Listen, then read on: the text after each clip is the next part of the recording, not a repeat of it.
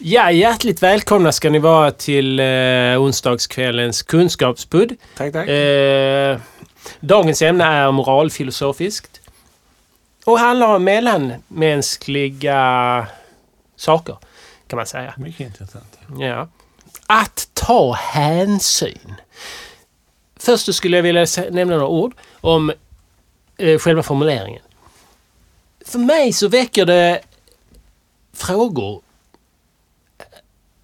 faktiskt en mycket negativ känsla, nästan avsky, inför detta uttryck. Hänsyn är någonting fint. Någonting man gör för att man vill väl. Men ta.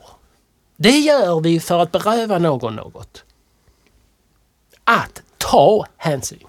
Jag vill inte ta av dig din hänsyn. Vill du ta min kanske?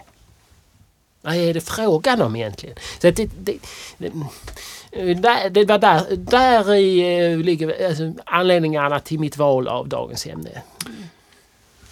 Det är ett väldigt, väldigt djupt spännande ämne med många kanter, många cirklar, många olika Ja. begrepp Ja. och funderingar. Man ska komma ihåg eh, att historiskt och etymologiskt kommer ju ordet, Inte minst. Kommer ju ordet hänsyn från att gå hädan. Om någon har gått hädan, då ska man tänka på vad har jag sagt till denna någon som Ja. har gått hädan? Och vad har jag sett? Ångrar jag mig? Ångrar jag att jag sa han var en stolle Per? Ja. När han har gått hädan? Känns det okej när han lever? Känns det då även okej när han har gått hädan? Så, Ofta så känner man en skillnad. Eh, jag sa stolle Per och han har gått hädan. Det smärtar mig. Eh, jag sa stolle Per för han bor eh, granne med mig och spelar musik på hög nivå. Det smärtar mig inte. Jag blir irriterad på den här grannen. Eh, om han går hädan plågar det mig att jag har sagt så här.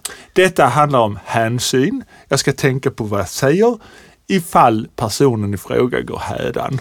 om vi går... Hän, går hän, hän till Ja. en annan värld. Ja. Då har vi, klar, då, då har vi eh, analyserat ordets första del. Om vi tar den andra delen, syn. Ja, syn, syn har ju naturligtvis eh, en grund i att se.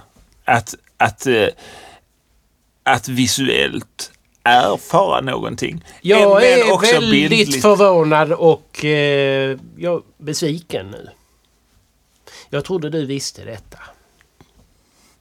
Vad- Ordet hänsyns andra del handlar överhuvudtaget inte om syn. Detta har framkommit genom Asnartens forskning eh, på, på 70-talet redan. Det trodde jag verkligen du visste. Nej, det, hänbyn eh, var det från början.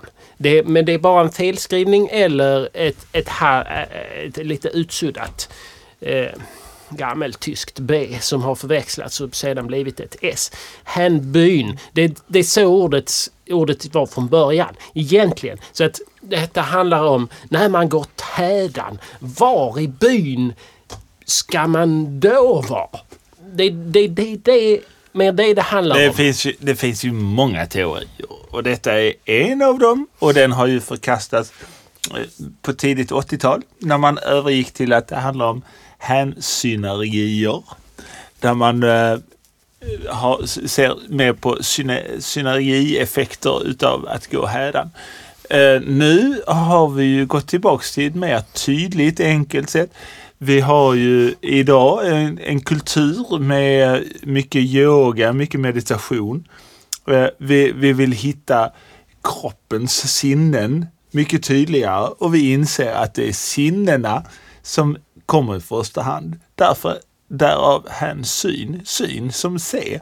Väldigt enkelt, väldigt lättbegripligt. Jag tror du har fastnat lite grann i gamla synsätt i det här, i det jag här skulle ämnet. nog... Eh, Jag blir lite besviken kan jag säga. Ja, jag är redan, tror jag, lite mer besviken än du faktiskt. Eh, för att eh, hela ditt senaste resonemang kan ju avfärdas mycket, mycket enkelt. Det kan ju falsifieras. Eh, sinnen, där har vi flera. Ja, fem, sex stycken, kanske sju. syn är ett av dem. Om detta handlade om sinnen i plural så hade ordet varit och blivit hänsinne.